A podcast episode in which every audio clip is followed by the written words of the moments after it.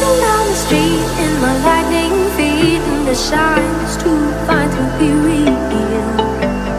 Fake it so I care for the glisten and the glare, and now it's something I'm starting to feel.